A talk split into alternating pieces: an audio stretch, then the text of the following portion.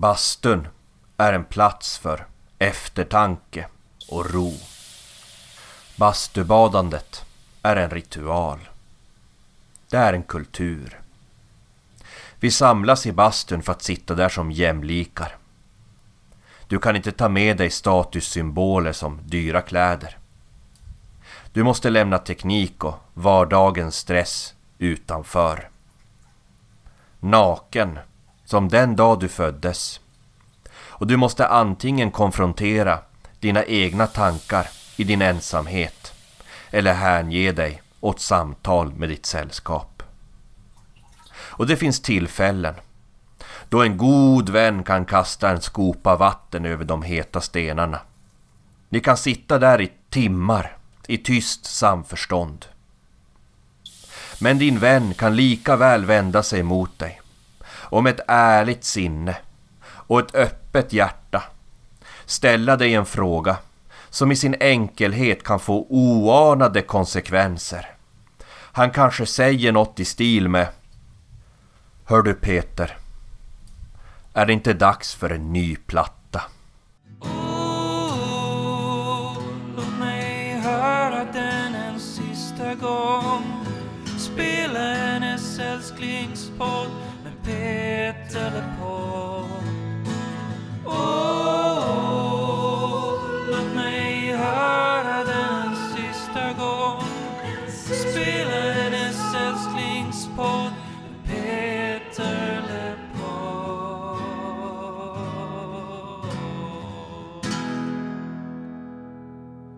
Välkommen hem! Jag heter eh, Tony Savila och eh, på andra sidan rummet sitter Emil som alltid. Idag Emil, vilken skiva ska vi prata om?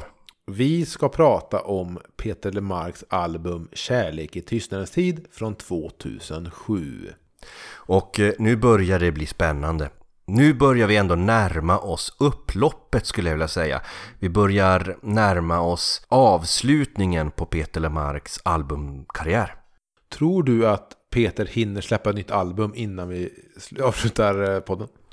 Jag tycker att alla lyssnare Ja. som inte vill liksom gå miste om den här podden, den här podden som förmodligen ändå kommer hålla på till, jag vet inte, ända till september kanske.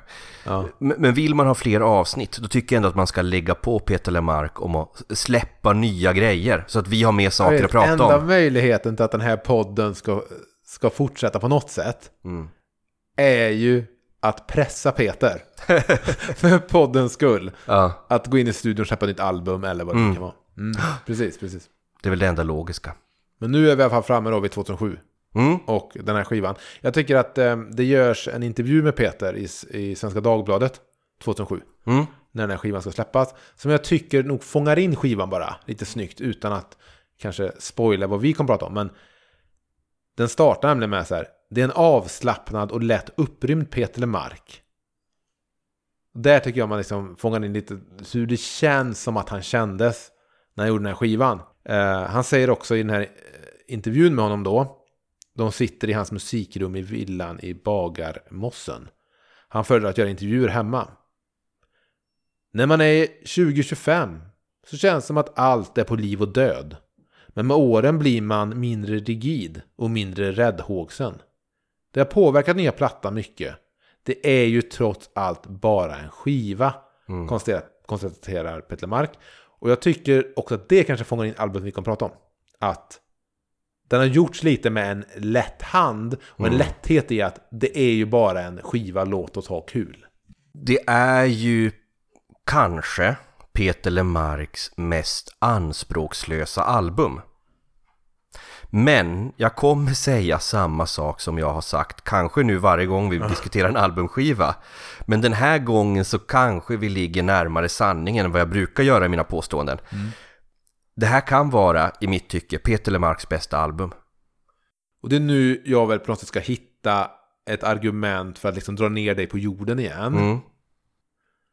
Men jag låter det du säger hänga där över diskussionen istället. Mm. Och, och jag tycker att, att eh, vi kan ju, när vi kastar oss in i diskussionen om de här låtarna, vilket är meningen med den här podcasten där vi diskuterar Peter Lemarks album och karriär, och där vi går igenom låt för låt, så, så, så tycker jag när vi går in i de här låtarna att vi, vi att jag får bygga upp mitt case för ett så pass vilt påstående. Eh, Men, låt oss börja den här änden 2007 och vad som hände där. Det, finns ju en händelse som, som kanske eh, dominerade nyhetsåret 2007 eh, utöver allt annat. Vad tänker du på då Emil? Är det att Pearl Jam spelar i Köpenhamn? Kan ju vara det att du och jag lärde känna varandra. Ja, du kommer till Molkoms folkhögskola där hösten 2007. Precis. Och eh, jag började då första klass på en videolinje och på den här i, i, klassen över mig på, på den här videolinjen så går det en fruktansvärt irriterande och självgod snubbe, eh, inte med dreads på den tiden, eh, men med skägg och som, som skriker saker på, på någon sorts västgötska. Eh, och, Ja, jag var väl en av de färgstarka tror jag ändå i, i det som för dig var tvåan. Och där började väl liksom någon sorts rivalitet som eh, några år senare skulle utvecklas till en vänskap. Och varför pratar vi om det här egentligen? Eh, ja, kanske inte för någon annan eh, orsak än att just den här skivan handlar väldigt mycket om det förflutna och liksom hågkomster. Så känns det här på något sätt som att det är någon sorts cirkel som sluts lite grann när vi nu är framme och pratar om det här albumet. Eh, med tanke på vad vår vänskap började. Ja, för allt vi kommer att prata om härnäst, i alla fall framtida album, eh, släpptes och fanns i en verklighet där jag och du fanns också. Exakt, som, som vänner. Ja. Men om vi då vänder oss till var Peter befann sig så var ju det här tredje skivan då som kom efter den här comebacken med det som håller oss vid liv. Så det som håller oss vid liv, 17 sånger och så kommer den här. Och om de två föregående skivorna har haft en mer, vad ska jag säga, dramatisk historia. Att de har liksom, deras uppkomst har varit lite mer eh, handlat om som sagt antingen om en comeback eller att, att återuppliva gammalt material så är det här en skiva som eh, enligt Peters bok då 100 sånger kommer från att han satt i bastun med en kompis som sa ska du inte skriva en ny skiva? De gjorde något slags vad och genom den anspråkslösa början så utvecklades det här till en ganska anspråkslös skiva. Han har ju valt i alla fall att, att lägga fram det så väldigt tydligt i boken. Det är väldigt mycket. Jag visste inte riktigt vad som pågick. Vi spelade in låtar, men när skulle vi spela in på riktigt egentligen? Oj, nu var en platta gjord. Så, alltså, han beskriver det nästan som en, du vet, Mr. Magoo som är blind och bara går fram genom världen men ändå klarar sig på något sätt och plötsligt har man gjort en lysande skiva. Och, och jag kan tro eller misstänka att, att just de här eh, ambitionerna inte var de största och mest pretentiösa. Har påverkat vilken sorts sånger han skrev. Och han, han sa ju, skriver ju själv att eh, när han skrev sångerna så gjorde han det lite grann som när han brukar skriva åt andra. Ja. Att det inte var lika mycket mening åt mål. Han, han säger i den här Svenska Dagbladet-intervjun som jag nämnde förut att ehm, en förlösande faktor i processen med den här skivan var den här producenten Johan Lindström. Och han säger då att Johan brukade säga att man måste utsätta sig för slumpen och det har jag gjort nu. Mm. Så eh, Och exempelvis då att Johan Lindström inte lät honom som brukligt då, som Peter brukar jobba, spela in demos på förhand. Utan liksom uppfinna det här i studion. Vilket då för någon med Peters kontrollbehov, som Peter själv påstår, är då en, en rätt stor utmaning. Precis, och Peter som också har förlitat sig väldigt mycket på sina demos för att eh, min uppfattning är ju att han har kommit till studion med färdiga låtar och sen så har de liksom spelat in dem på nytt. Du vet, och ersatt den där trummaskinen och kanske ersatt det. Så att, eh, att gå in mer som ett eh, blankt papper gissar jag kan ha varit eh, spännande såklart som en utmaning men eh, måste ju varit jobbigt också när man vet om att men sen måste jag stå med en skiva också som recensenter och eh, skivköpare ska liksom ta emot. Mm. Jag hade varit skiträdd. Alltså jag kan ju bara dra erfarenheter från min yrkeskarriär. Ja. Alltså om vi ska prata någon sorts jämförelse. Eh, för jag jobbar ju med eh, långfilm. Jag har jobbat eh, nära regissörer och fotografer när liksom de hållit på med det här kreativa arbetet inför eh, ett, ett inspelningsarbete. Det finns ju de som jobbar ungefär som Peter jobbar när han spelar in de här demosarna. Som, som när de kommer till inspelningsplats har en väldigt tydlig idé om exakt vad de vill ha. De har storyboardat, de har ritat floorplans, de har liksom koll på exakt hur varje bild ska se ut och vilken replik som ska läggas var och exakt hur det här ska klippas.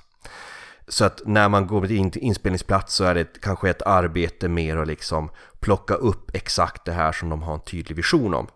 Sen finns det ju de som kommer till inspelningsplats och är mer undersökande. De har koll på vilken berättelse de vill berätta men de är mer intresserade av att repa fram olika scenarion med skådespelare för att sen plocka liksom det som sker i ögonblicket. Och jag sätter ingen värdering Nej. i att arbeta på varken det ena eller andra sättet så länge man är medveten om vad ens process är. Vi kommer att komma in på låtarna nu här snart då, men Mm. eh, det känns väldigt mycket som att man har tagit låt för låt Mm. och tänkt bort lite låtarna som de ska höra, höra ihop med. Mm. Och um, jag har pratat mycket i podden kanske om att jag gillar det här homogena och att en skiva är en produkt, ett sound, låtarna sitter ihop. Man ska, inte kunna plocka bort en låt från plattan och så här. Men här är det en sån befriande bara så lekfullhet Mm. Eh, i många av låtarna på skivan. Att det blir så här, det blir nästan homogent i hur man har verkligen sett att tillgodose varje låts egna behov Mm. på ett rätt snyggt sätt. Och, och det är nästan som att det i sig skapar en identitet. Ja, en brokig identitet. Men, Ja, men en precis. identitet. S- Ska vi kasta oss in i de här låtarna och tror jag upptäcka vad det är vi pratar om? Låter som att du har någonting på spåren där, Tony.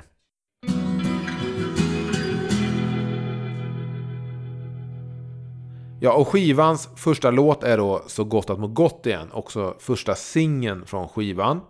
Peter pratar i sin bok en del om att folk har sagt till honom, ah, är du lycklig nu igen? Är du lycklig nu?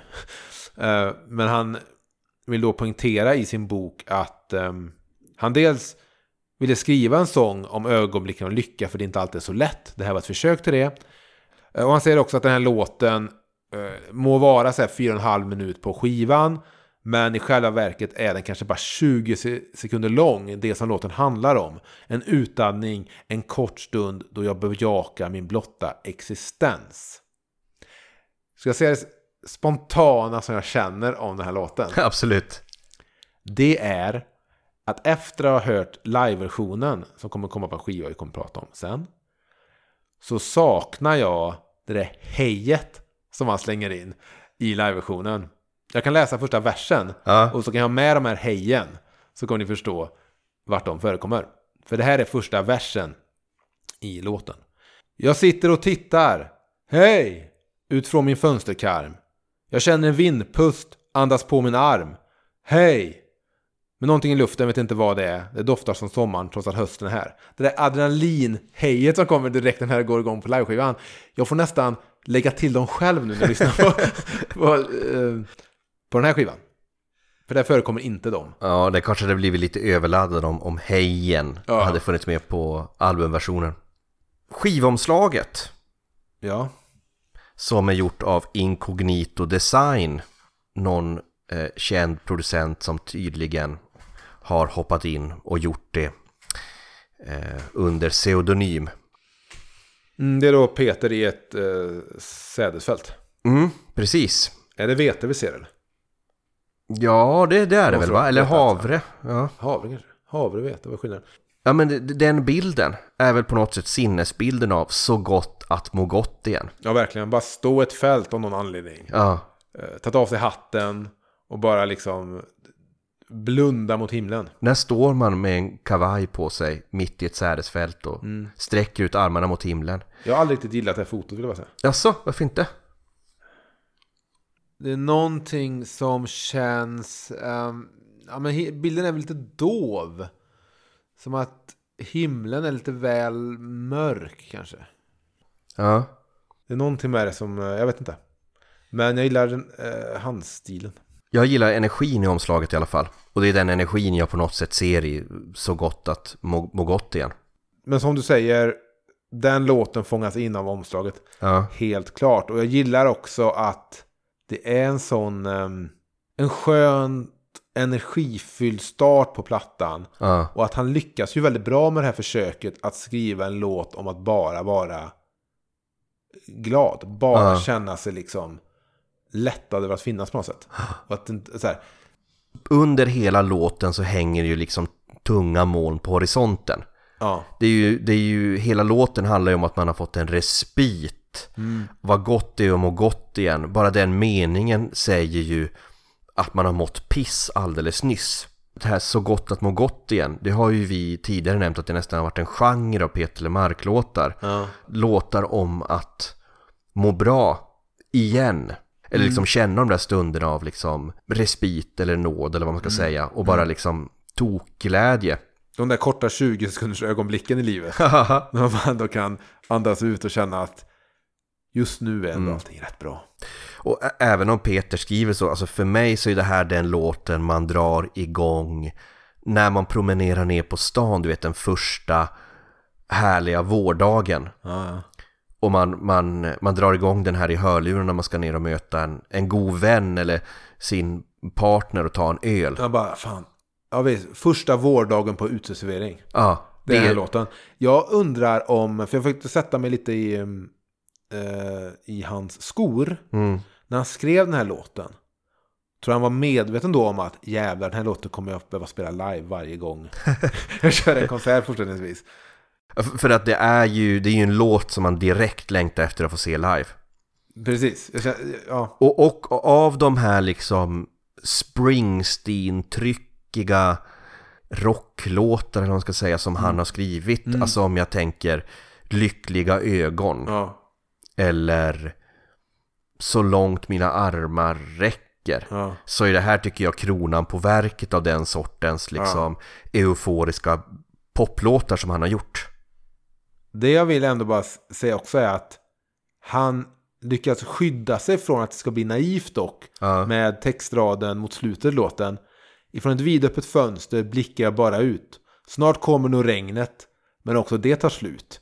Att han ändå är eh, grundad nog i låten. Att förstå att eh, ja, men den här himlen kommer inte hålla för evigt. Och det kommer regna. Du vet att det inte det är inte någon naiv bild av ett ändlöst paradis. Utan det är så här typ. Men jag vet om att orosmoln kommer komma. Jag vet om att det kommer regna. Vi kommer få gå in från altanen. Jag vet om det. Vi kommer liksom få rulla in grillen med T-bensteken på allting. Men, men också det tar slut. Ja, Det, det där har du liksom de här kontrasterna igen. Mm. Det kommer mörka tider, det kommer goda tider. This too shall pass. ja. Hur många gånger har du citerat det i den här podden? Jag kommer nog göra det ett par gånger till. Under, under det här. Ja, men även så här. Jag sluter mina ögon och jag ser det jag ser. Hur vinden drog som en rakkniv och skar mig ner. Alltså, vilket är ganska var sorg. drama förlåt men det är ganska dramatisk. Ja, han lägger dramatiska in, bilder. Han lägger ändå in liksom någon sorts svärta i den här akvarellen. Ja. Eh, som sagt, han grundar det på något sätt i att ja, ja vi kommer, det blir inte frikyrkligt. Mm. Vi kommer ropa ut här och sjunga med live, men vi alla vet om att det inte handlar om ett paradis. Ja. Utan det handlar om de där 20 sekunderna. Mm. Du vet när ens jobbiga kar man hänger med ändå går på toaletten. Mm. Så man bara kan andas ut och inte höra hans diskussioner om hans ointressanta jobb. Eller vad det kan. Men, men jag blir samtidigt när jag stod för bara en timme sedan och diskade Ja.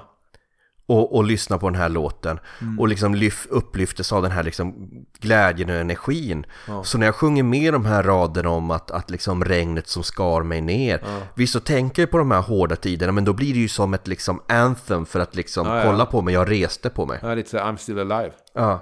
För att citera en annan låt. Det är, det är en snorbra låt, vad annars ska jag säga?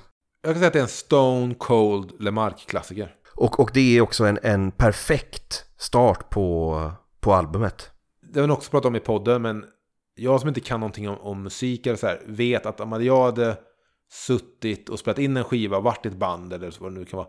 Precis som de gånger man har gjort fi- kortfilm eller man gjort musikvideo och sånt. Mm. Så är det ändå alltid anslaget. Början på någonting som är mest intressant att berätta. Så här.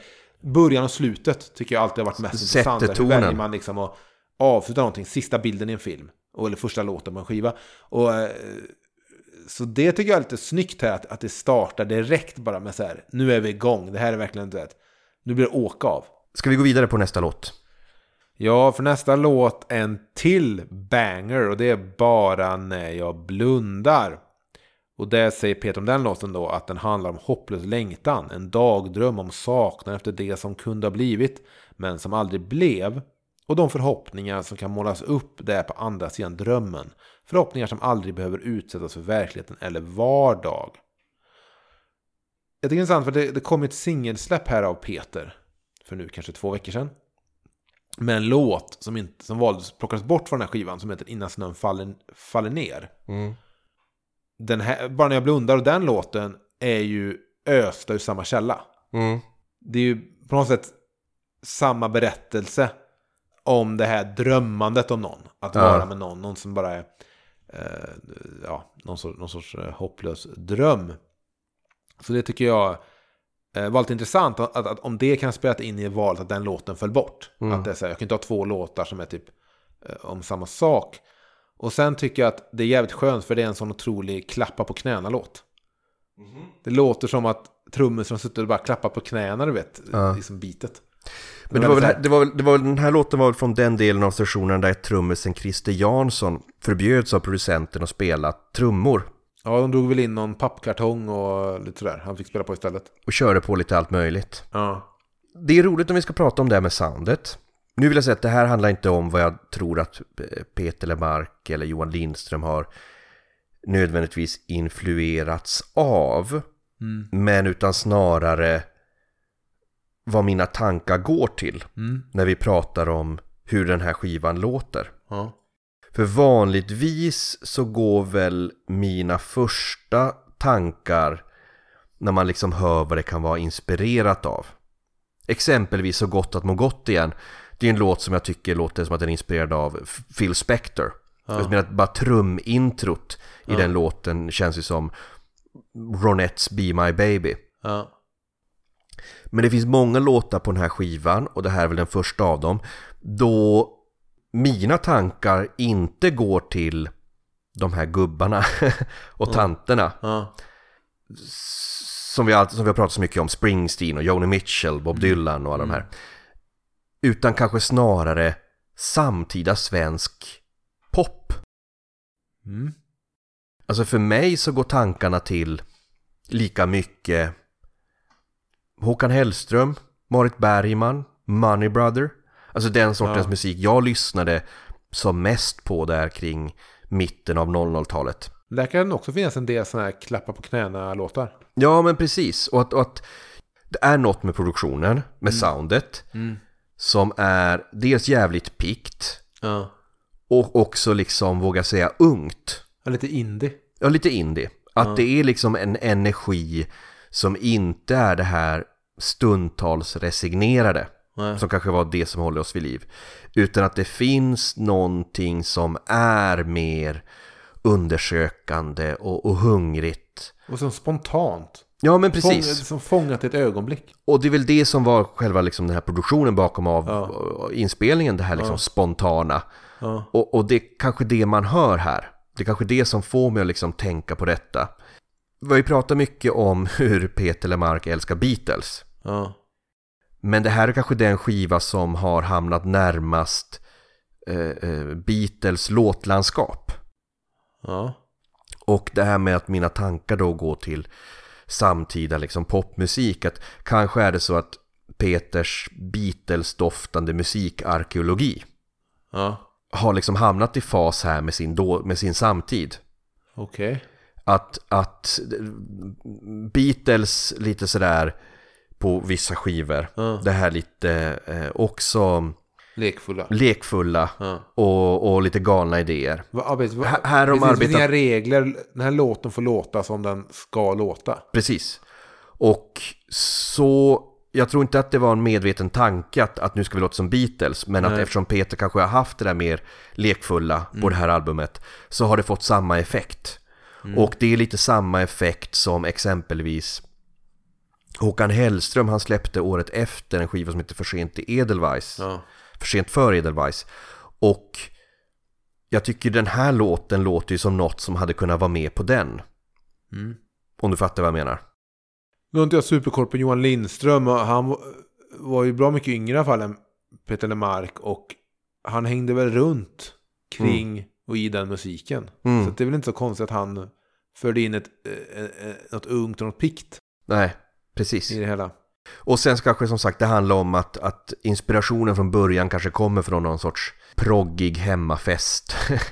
liksom de idealen. Ja, ja. I alla, fall det jag hör här, jag tycker liksom det finns ju någon så här jag tror att ord, rätt ord är synkoperad rytm Okej. i gitarren och trummorna här liksom som, som fixar det här liksom sköna Det framåtdrivet. är det jag menar då med klappa på knäna-soundet. Ja men precis, att det låter som ett lokomotiv liksom. Ja, man ser hästar som galopperar framåt. Ja.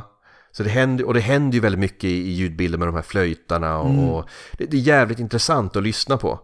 Så att, att jag är så liksom inne i... Det är hur- konstigt att det inte fick, att det inte här var ett singelsläpp. Ja men eller hur? ja, det tycker jag verkligen nästan. Men sen har den också typ en av de eh, mest träffande textraderna Ja, i Peter Lemarks diskografi. För att den går rakt in i mitt hjärta och eh, gröper ur det. Mm. Är, för du är inte någon man älskar. Du är någon man saknar. jag har, det, jag har den nedskriven här Det också. är så jävla bisarrt. Och då vill jag stärka upp känslan av det med ett citat som jag faktiskt har översatt till svenska. Men det är ett engelskt citat från en fantastisk låtskrivare som heter Eddie Vedder. Ehm, och detta är dock, det här citatet kommer av när de, han får en fråga om sin låt Black. Mm. Men jag har översatt det här. Han säger. Jag har hört det sägas att du inte riktigt kan ha sann kärlek såvida det inte är kärlek som är obesvarad. Och det är en svår sanning att ta till sig. För då är den sannaste kärleken den som du aldrig kan ha för evigt. Jag vet inte om det är sant, men det är en bra... eh, Ja, men det är någonting som, för det där citatet läste jag för många, många år sedan. Mm. Men det har alltid fastnat hos mig att ja, den där kärleken till någon man inte får. Det finns en risk att den kärleken är mycket, mycket starkare än den som man kan känna när man har den personen. Mm. Och det är lite det också, för du är inte någon man älskar, du är någon man saknar. Det är så här, ja det finns ju de där man aldrig har kunnat vara med. The man one kanske that got försökt- away. Ja, man kanske har försökt, men det gick inte av olika anledningar. Mm. Och man vet om att du, du, du är aldrig en person som jag hade kunnat haft kvar och bara älska. Det, det har aldrig funkat. Mm. Men ändå så är du någon som jag alltid kommer sakna. Det är bara så, det är bara det gröper ur mitt hjärta. Mm. Hela den här låten är full, tycker jag, av, av fantastiska textrader. Eh, och det är ingen idé att läsa eh, hela texten, det kan jag ju rekommendera att ni lyssnar på låten. Det finns en grej i sista versen när han, när han sjunger Jag bär mycket hellre läkta ärr än öppna sår. Men sen har jag svårt själv att avgöra om det här är en låt om någon man älskar på avstånd eller om det är någon man älskat och förlorat och sen saknar. För i samma vers där så sjunger han Två småungar i solen någonstans på andra sidan spegeln. Låt dem vara kvar där, låt dem hissa sina segel. Det tolkar jag som de två karaktärerna i låten. Mm. Att han tänker tillbaka på vad de har varit och låt den lyckliga fantasin av det vi var ändå vara något fint. Du vet, så här, som finns kvar. Ja, Jag tänker nästan tillbaka på Marias kyrka som vi pratade om. Mm, men lite, precis, lite åt det hållet. Om den kanske också är lite öst ur samma källa. Ja, att, att den är ur, ur liksom någon sorts barndomsdröm om någon, om ung kärlek som aldrig blev. Ja. ja, men jag tycker det här är så här en av de... eh, Den låter unikt, men den låter så jävla rätt. Mm. Och det är bara... Den skivan startar så jävla starkt. Ja. Du behöver inte säga till någon annan Tony, det är bara mellan mig och dig. Men den startar så jävla starkt den här skivan. Då går vi vidare på eh, albumets tredje spår. Och det du sa Emil att den här skivan börjar jävligt starkt. Ja. Så tycker jag här att vi har en, vad det man brukar säga på, på det engelska språket, one, two, three punch.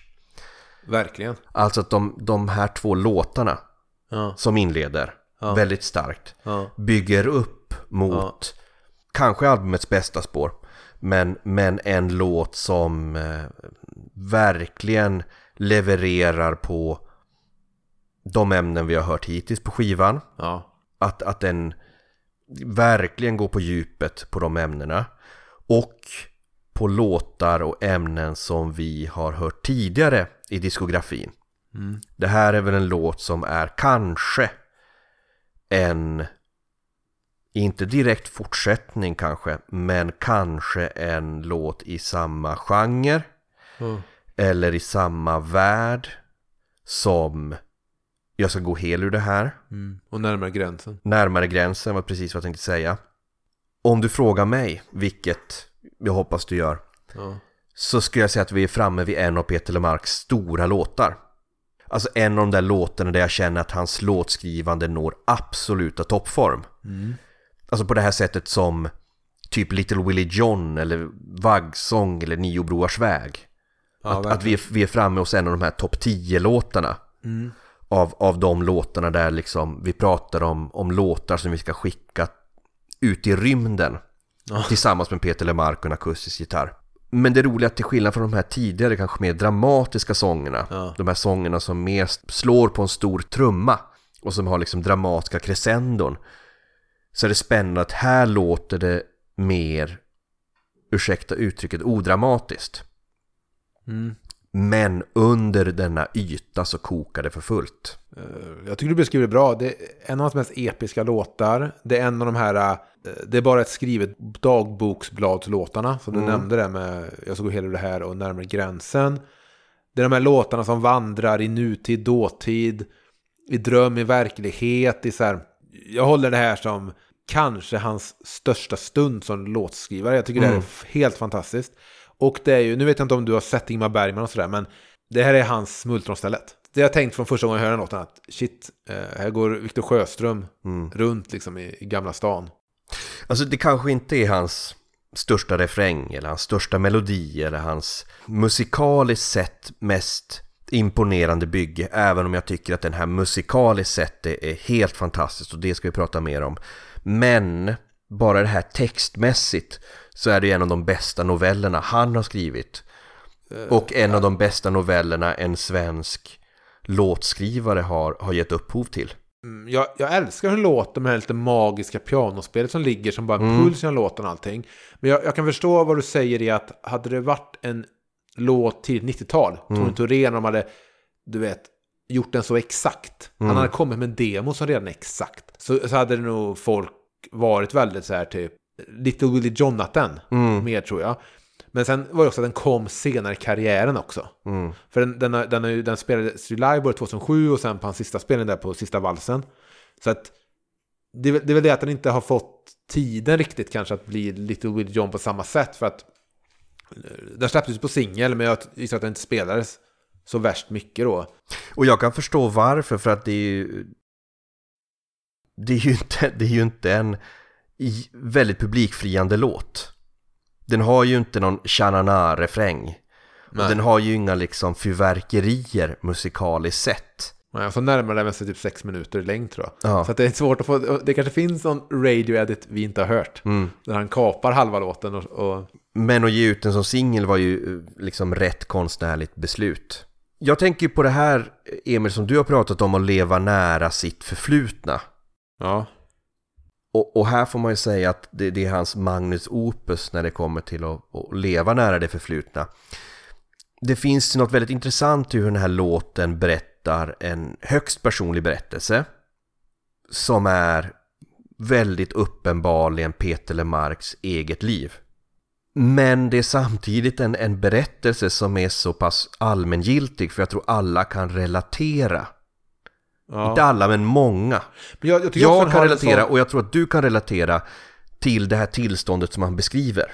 Ja, men jag tror också att låten har ett sånt otroligt stort värde i att den kommer sent i hans karriär och den re- eh, refererar tillbaka Ja, till låtar och Peters upplevelser som vi som har lyssnat känner till.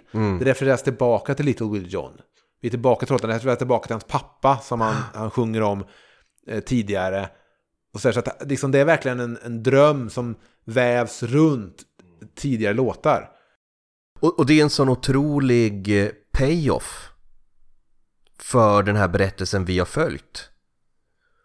Alltså har vi, det som vi har följt genom den här podden från vita skivan till närmare gränsen, till sången de spelar och nu liksom hela vägen fram till den här skivan så är det inte en final men en fortsättning på den här berättelsen och vi vet exakt i vilken värld vi be- befinner oss i. Men, men vi, får, vi får återigen bredda världen, vi får bredda berättelsen. Men låten blir också som att titta på omslaget till Eldkvarns De berömdas aveny. Mm. Som, eller om man så vill eh, Frank Zappas And the Muds of Inventions, uh, We're Only In For Money-album. På vilket sätt? Ja, att båda de är pastischer på Sgt. Pepper-omslaget. Men i alla fall att eh, det här att man bara vill sitta och titta och se alla människor, vilka finns representerade. På de berömdas av ny till exempel, det nämnde vi inte för Plura, men där är ju Peter Mark med i folkmassan. Men eh, att man bara så vill försvinna in, för det är så mycket detaljer och det är så mycket ögonblick som beskrivs i låten.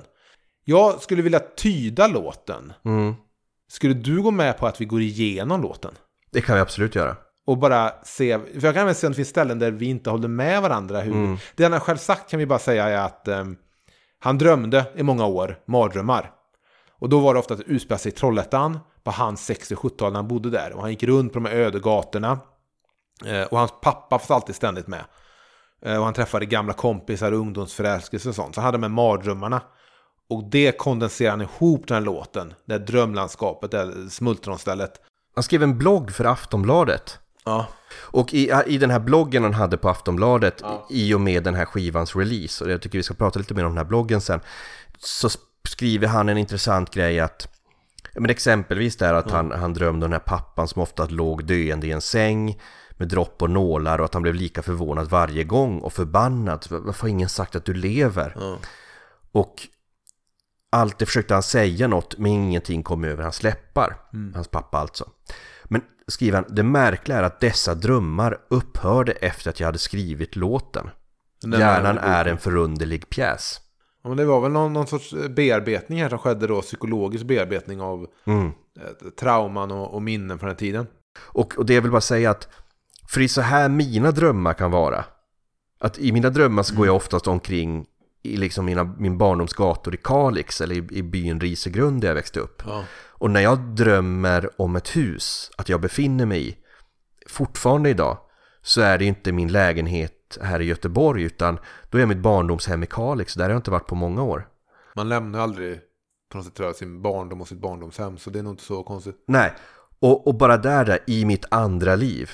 Det känns som att man har ett andra liv, ett, ett liv som trots att det skedde i det förflutna, så även fast du och jag sitter och pratar här så på något sätt så befinner vi oss fortfarande i våra, våra andra liv. Ja, precis. Ja, det är en snygg tolkning. Jag har väl tolkat det mer som ett andra liv. Det är det, det är det som kommer till honom när han blundar på natten och somnar. Drömmarnas värld är det andra livet som han ständigt håller på liksom och idisslar. Ska vi gå igenom låten då? Mm. Vi kan väl gå igenom låten bara för att det är också lite för att eh, visst, jag försöker läsa texterna och sånt innan våra avsnitt och sådär. Men ibland kan jag ha lite svårt att ta till mig det ändå, även om jag försöker läsa nästan som lyrik eller något sånt. Så ibland kan det bli som att det som forsar över en för man hör melodin och så här. Så det är skönt att bara gå igenom just den här låten för att se kanske om, om jag förstår den bara. På mitt banala sätt. Sen börjar det med så här, jag går runt på torget natt efter natt. Går alltid samma gator. Men jag vet aldrig vart. Det är alltså Drottningtorget och gatorna runt Drottningtorget då. Mm. I Trollhättan. Ja. När jag lutar mig fram och blickar ner från bron, som Super 8-sekvenser eller en animation, mitt ansikte speglas i kanalens djup, förvridet och vanställt, men jag har sett det förut. Då är jag på någon av broarna i Trollhättan då, och tittar ner i- mot kanalen. Eh, och här är det första där, mitt ansikte förvridet och vanställt, vilket såklart det blir i det kluckande vattnet, såklart. Samtidigt så är det liks- lite en känsla av mardröm. Mm. Ansiktet förvridet och vanställt, ja. Precis. Jag går förbi affären, den är kvar där den är. Genom ett hål i väggen ser jag någon ligga där. Min pappa ligger för döden sedan 30 år. Är det något han vill säga? Något jag inte förstår? Hur tolkar du det? Jag går förbi affären. Jag är tänker- det foto? Jag tänker att det är fotobutiken som hans pappa drev. Och att på något sätt man kopplar ihop det där. Ja, plötsligt så... Som, som det kan vara i drömmen, att man Ja. befinner sig på en plats och så plötsligt befinner man sig på en annan. Det är väldigt ofta så i Street. Mm. Man kan aldrig lita på vart man är i de filmerna. Då kommer systrarna Källgren och Tina och Yvonne. Systrarna Källgren är ju den advokatfamilj i Trollhättan. Troligtvis väldigt rik, en rik familj. Eh, och Tina och Yvonne Det här är ju barndomskompisar då gissar jag. Men att någon även kan vara en ungdomskärlek, eftersom man nämner det då. Jag är, mycket, jag är så mycket äldre nu, men det vet inte de. Väldigt mycket drömskt Mm. i det. Jag försöker prata, men jag hör ingen röst. De bara går förbi mig och det är alltid höst.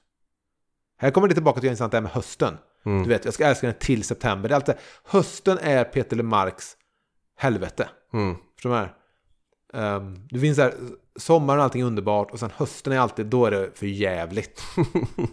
du vet, må, Mm. du, du vet, hans dotter är ändå en prinsessa av, semester, av september. Mm. Men annars är det alltid så här så att ehm, Mm. det är klart fan det är höst här liksom. Mm. Och sen kommer det refrängen då, och i mitt andra liv, någonstans mellan fyra och sju, det är när man drömmer. Och i mitt andra liv, någon gång mellan då och nu i mitt andra liv. Sen kommer andra versen då. Och sen i mjölkbutiken, den känner vi igen, där vi dricker vin till navel eller bejas. Här har jag läst på Tony, Mm. så nu stoppar vi lite där. Du vet du vilken annan artist som också sjunger om Trinave? Tåström i låten ehm, Den ligger på Skebokvarns eh, vägen Är det The Haters som låten heter? Precis. Och då ställer vi oss frågan, men vad fan är Trinave? Mm. Låt oss då Thåström svara på det. Vi byggde vår stil på en helig allians av tre ackord och sur till nave.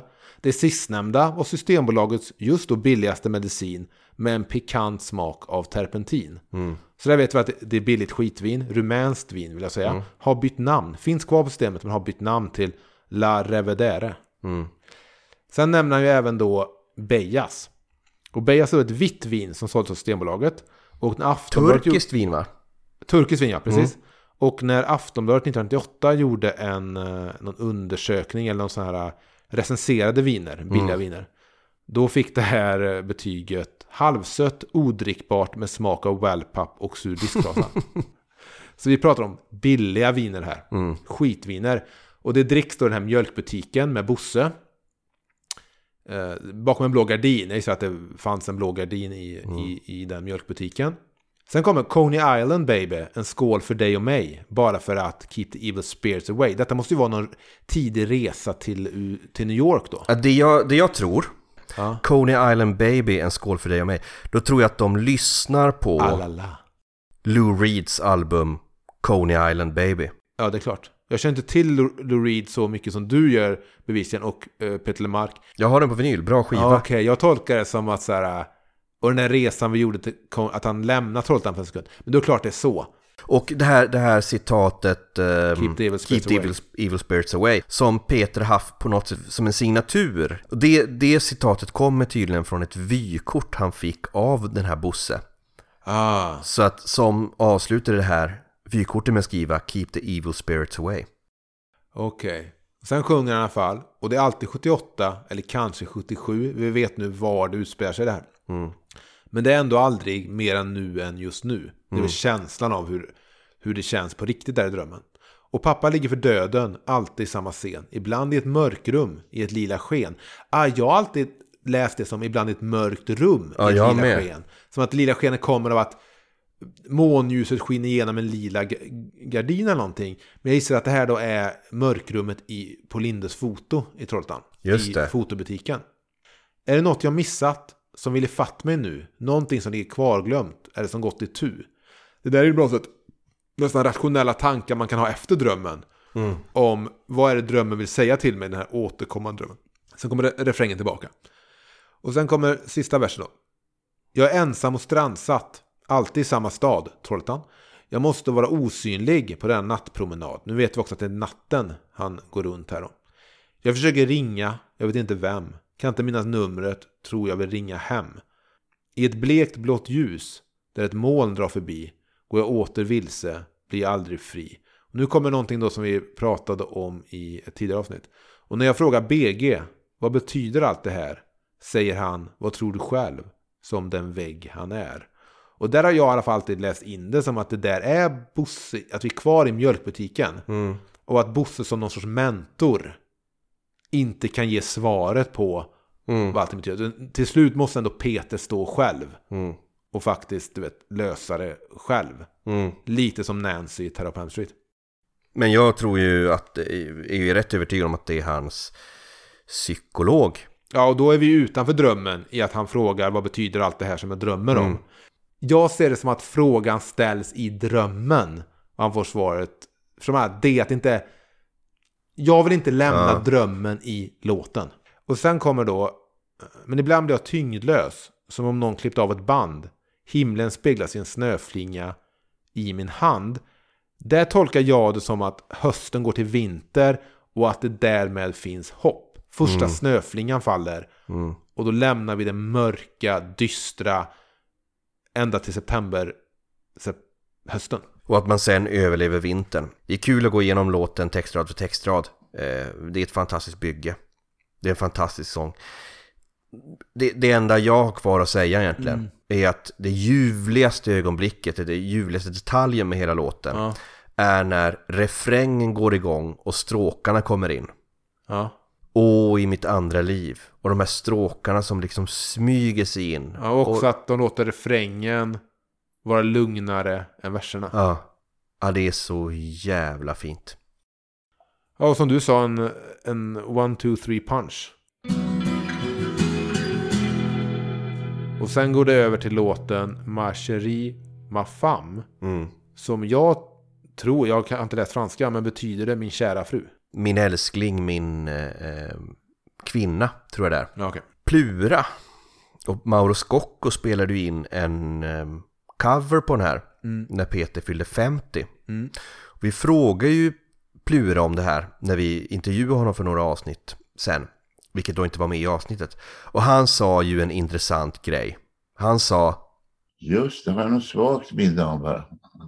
Man har gjort så mycket så man kommer alltid inte alltid ihåg allt. Ja, Plura var o- ovetandes. Men jag, jag, jag har en känsla av att låtvalet då till den här covern som gjordes till en 50-års skiva till Peter Mark. Som en present till honom. Jag har en känsla av att det är Mauro Scocco som har valt låten. För jag tror att Mauro Scocco är lite en fanboy mm, av Peter Mark. Så inför det här avsnittet så skrev jag till han och frågade om han visste hur det kom sig att de valde den här låten. Är det sant? Ja. Ja. Eh, Men han svarade inte. Okej. Eh, P- Peter skriver att han förmodligen har, har stulit melodin någonstans. Men att han inte vet varifrån exakt. Eh, Och jag tycker det låter väldigt mycket som Evert Taubes Flickan i Havanna.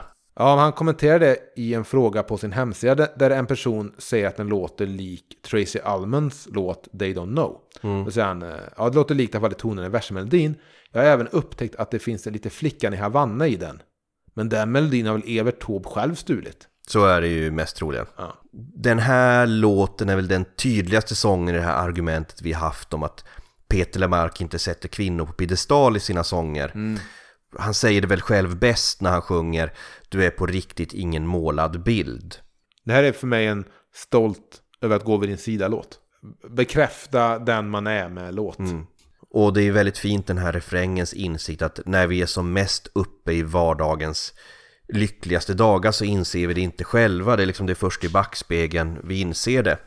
För jag tycker att den här söta melodin i, i verserna bryts ju väldigt fint upp av eh, refrängen där han sjunger eh, När vi minst anar och vet om det, när vi minst märker och kan förstå, när vi minst känner det på oss är vi som lyckligast vi två.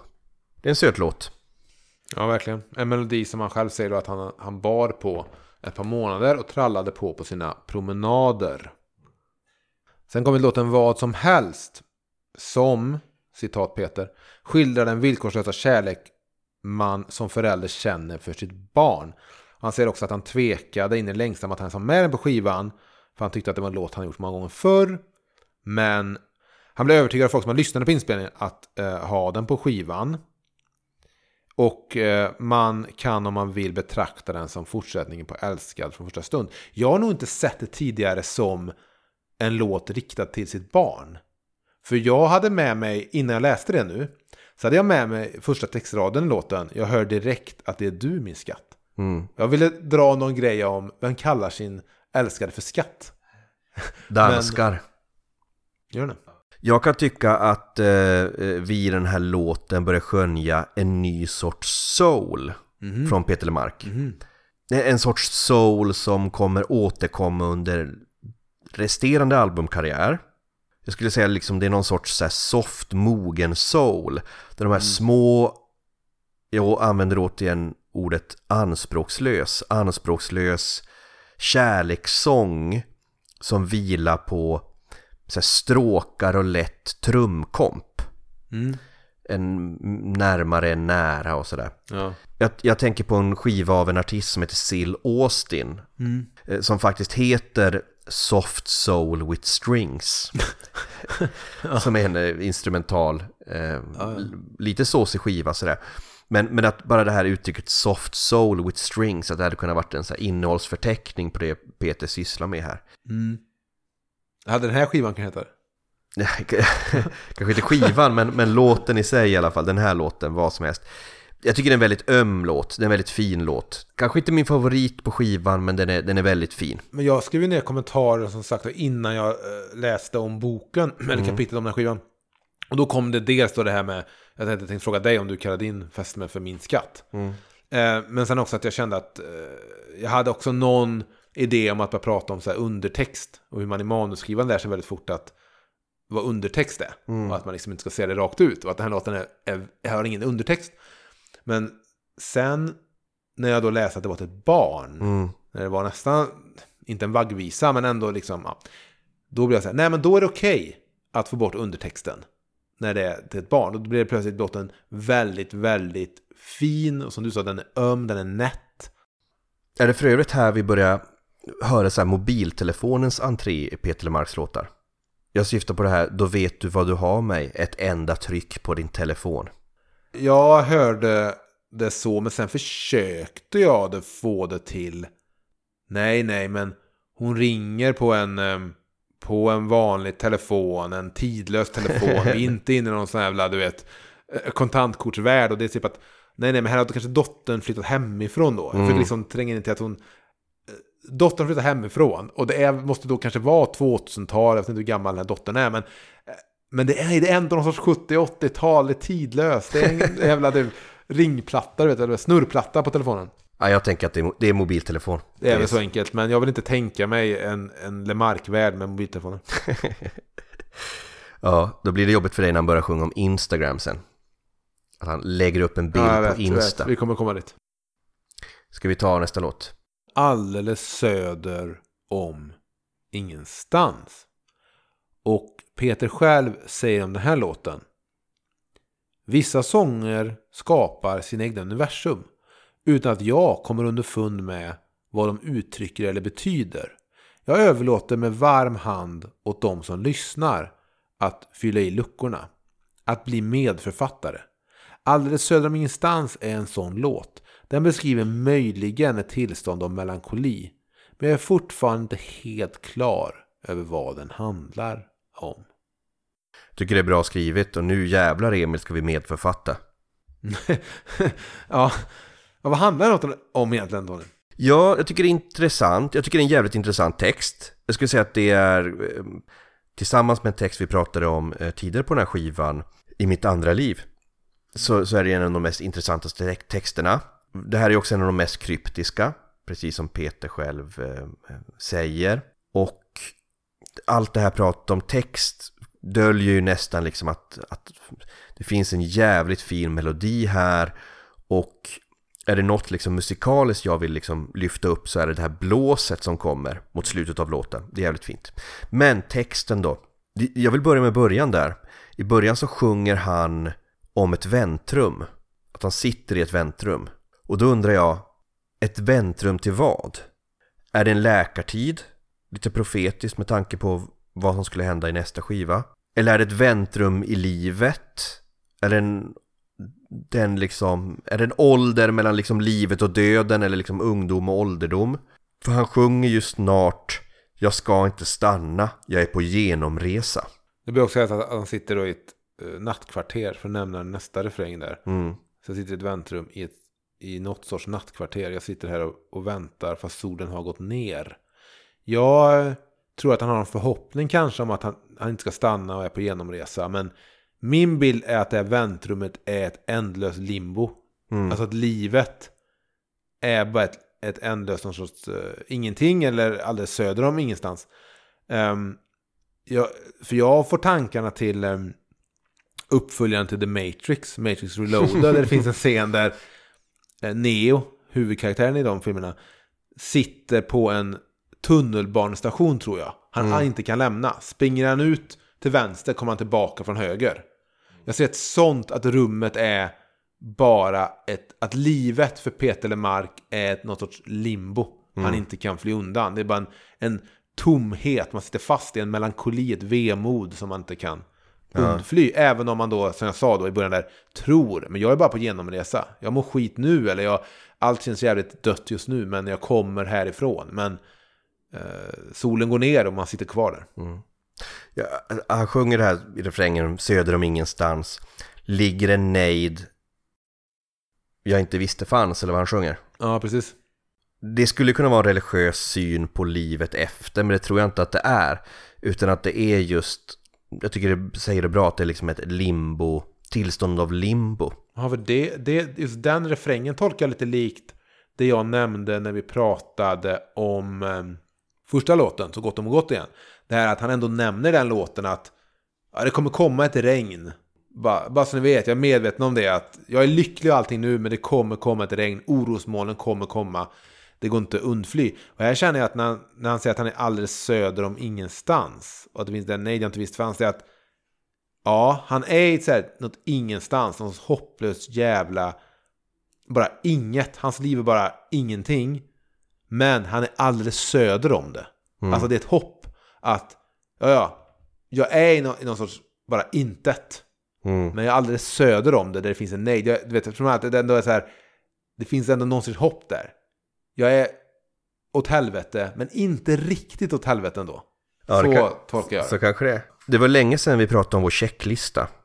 Ja, den borde vi tagit fram under, under låten I mitt andra liv. Men Ja. jag tyckte inte att det behövdes riktigt, det var så självklart. Det var så självklart. Men där pratade vi mycket om det med att befinna sig i regn tidigare. Ja. Och här så är, så är han ju återigen mitt i regnet. Mm. Det är samma regn som faller, kallt och hårt och rappt. Samma regn som håller mig vaken varje natt. Och då börjar man undra liksom, vad är det här regnet som man så många gånger har sjungit om? Har vi diskuterat vad regnet betyder? Ja, men det är ju regnet som kommer falla i eh, Så gott om gott igen. Ja, Det alltså, oundvikliga regnet som faller på en. ja Det är re, det som kommer under hösten. Det är, det är en stand-in för tuffa tider eller för oro och bekymmer. Jag vill bara säga, eh, jag, ska, jag vill hugga tag i strax det här med nattkvarter. Men först vill jag bara säga min absoluta favorittextrad i den här låten. Ja. Och det är Jag var ett mycket ensamt barn men blev ensammare sen. Mm. Det är bra. För då tror man ändå att man är i ingenstans. Men han är alldeles söder ändå om ingenstans. Jag kom till den här världen som en klen och liten en. Jag var ett mycket ensamt barn men blev ensammare än. Där är en sån, du pratade tidigare om en textrad som gröp ur ditt hjärta. Det här gröper ut mitt hjärta men blev ensammare sen. Jag tycker, jag tycker de två, eh, både den textraden eh, jag nämnde då i den låten eh, och den här, samma känsla. Det där så träffsäkert beskrivet Mm. över någonting man ibland inte ens vill tänka på. Samtidigt som en så här överraskande turn of phrase. Han sjunger ju då avslutande då att Så jag sitter i ett väntrum i någon sorts nattkvarter. Jag sitter här och väntar fast solen har gått ner. Och här så vill jag då hävda Att det han sjunger om söder om ingenstans Är döden. Och det är dels för att han då sjunger att solen har gått ner. Det är en väldigt tydlig dödsmetafor. Men Nattkvarter, var känner jag igen den frasen ifrån? Jo, det finns en poet som heter Nils Ferlin. Ja, ja. ja. Jag har nämnt han förr, han är min favoritpoet. Efter Remo i The Hurricanes. Han har skrivit en dikt, Nils Ferlin, som heter Nattkvarter. Och du känner ju igen det också, var fan har du hört det? Det är ju för att Roffe Wikström sjöng in den på sin skiva Mitt hjärta är ditt. Ja. Och vem sjöng kör där? Är det låten där Anna-Lotta Larsson och Petter Mark sjunger? Eh, Jag vet att Peter är med och sjöng kör på den. Ja. Och Plura. Ah, ja, då är det inte den jag tänker på. Men visst, ja. Får jag läsa första och sista paragraferna Ja. i dikten Nattkvarter som han skrev eh, 1933, eller som utkom 1933 tillsammans i, i diktsamlingen Barfotabarn. ja. Barfota. Så här skriver han då. När kroppens krematorium förbränt din själ till aska och snus och vin och opium till föga fröjder för då tör du nöjsam bror och stum mot evigheten traska det är en ren formalitet för mången att han dör. Sista paragrafen. Du saknar ingen tid som går men sover som Törnrosa. Törnrosa sov i hundra år men du ska sova mer. Du saknar ingen tid som går ty strävsam var din kosa och det var knappt du tog dig hit till detta nattkvarter. Mm. Så att, att nattkvarter Mm. tror jag är döden. Och jag tror att alldeles söder om, om ingenstans är eh, eventuellt den här eh, platsen man hamnar i efter väntrummet som kallas livet. Jag försöker nu hitta ett sätt att min teori om det limbot fortfarande håller. Mm. Men med den här nya faktan som du så elakt inte gav innan jag Mm. gav mig in i en tolkning. Jag tror fortfarande att väntrummet kan vara ett livets limbo. Mm. Och nattkvarteret kan vara döden som väntar runt omkring. Jag tror inte det behöver vara att jag sitter här och väntar vad solen har gått ner. Ja, det, det, ja, det kan vara så. Men jag, jag tycker även min tolkning om livet som ett limbo fungerar. Det tycker jag också. Jag tycker att eh, det här är en av eh, de låtarna, eh, precis som Peter själv säger, där man själv får gå in och fylla i sin tolkning. Eh, det, är en, det är lite av en rolig lek och försöka liksom make sense av allt det här. Men jag skulle bli överraskad av om just användandet ordet nattkvarter var ett sammanträffande. Det skulle jag också bli. Det skulle Så också bli... har han ju tagit med världen såklart från Ferlins Mm. dikt in i det. Det, det, det, det tror jag inte man riktigt kan tveka om. Jag tycker att vi med den lilla funderingen avslutar den här veckans avsnitt. Att vi, vi hinner ungefär halvvägs på kärlktystnadens tid. Och så fortsätter vi nästa vecka. För det, vi hade plötsligt väldigt mycket att säga om den här skivan. Det blir ännu ett, ett långt snack Tony. Ja, vi- vi försöker hålla nere det men så sitter vi här igen. Så är det inte så mycket att göra åt. Tack till er som har lyssnat. Eh, Vi hoppas få höra av er nästa vecka då vi fortsätter prata om den här skivan. Och jag vill verkligen inte att ni missar oss prata om några av den här skivans finaste låtar. Eh, När vi pratar om Förälska mig, när vi pratar om Augusti i det höga gräset, när vi pratar om Någorlunda dag och i synnerhet titelspåret Kärlek i tystnadens tid. Jag heter Tony Savela, med mig så har jag Emil Gustafsson Ryderup. Du lyssnar på Peter Podd, podcasten om Peter Marks album och karriär som du bör tipsa alla du känner om oavsett vad de tycker om Peter Lemark. Var hittar man oss på sociala medier, Emil? Ja, vi finns på Facebook, Instagram och Twitter under Peter Lepodd, ett ord. Vi finns även på peterlepodd.gmail.com om ni vill nå oss den vägen. Vårt intro och outro är gjort av den fantastiska Kristoffer Hedberg som såklart också vandrat runt i Trollhättan i sina drömmar eftersom han är därifrån. Två saker, Emil. Mm. Keep the evil spirits away och allt är bra nu. Gitarrsolo.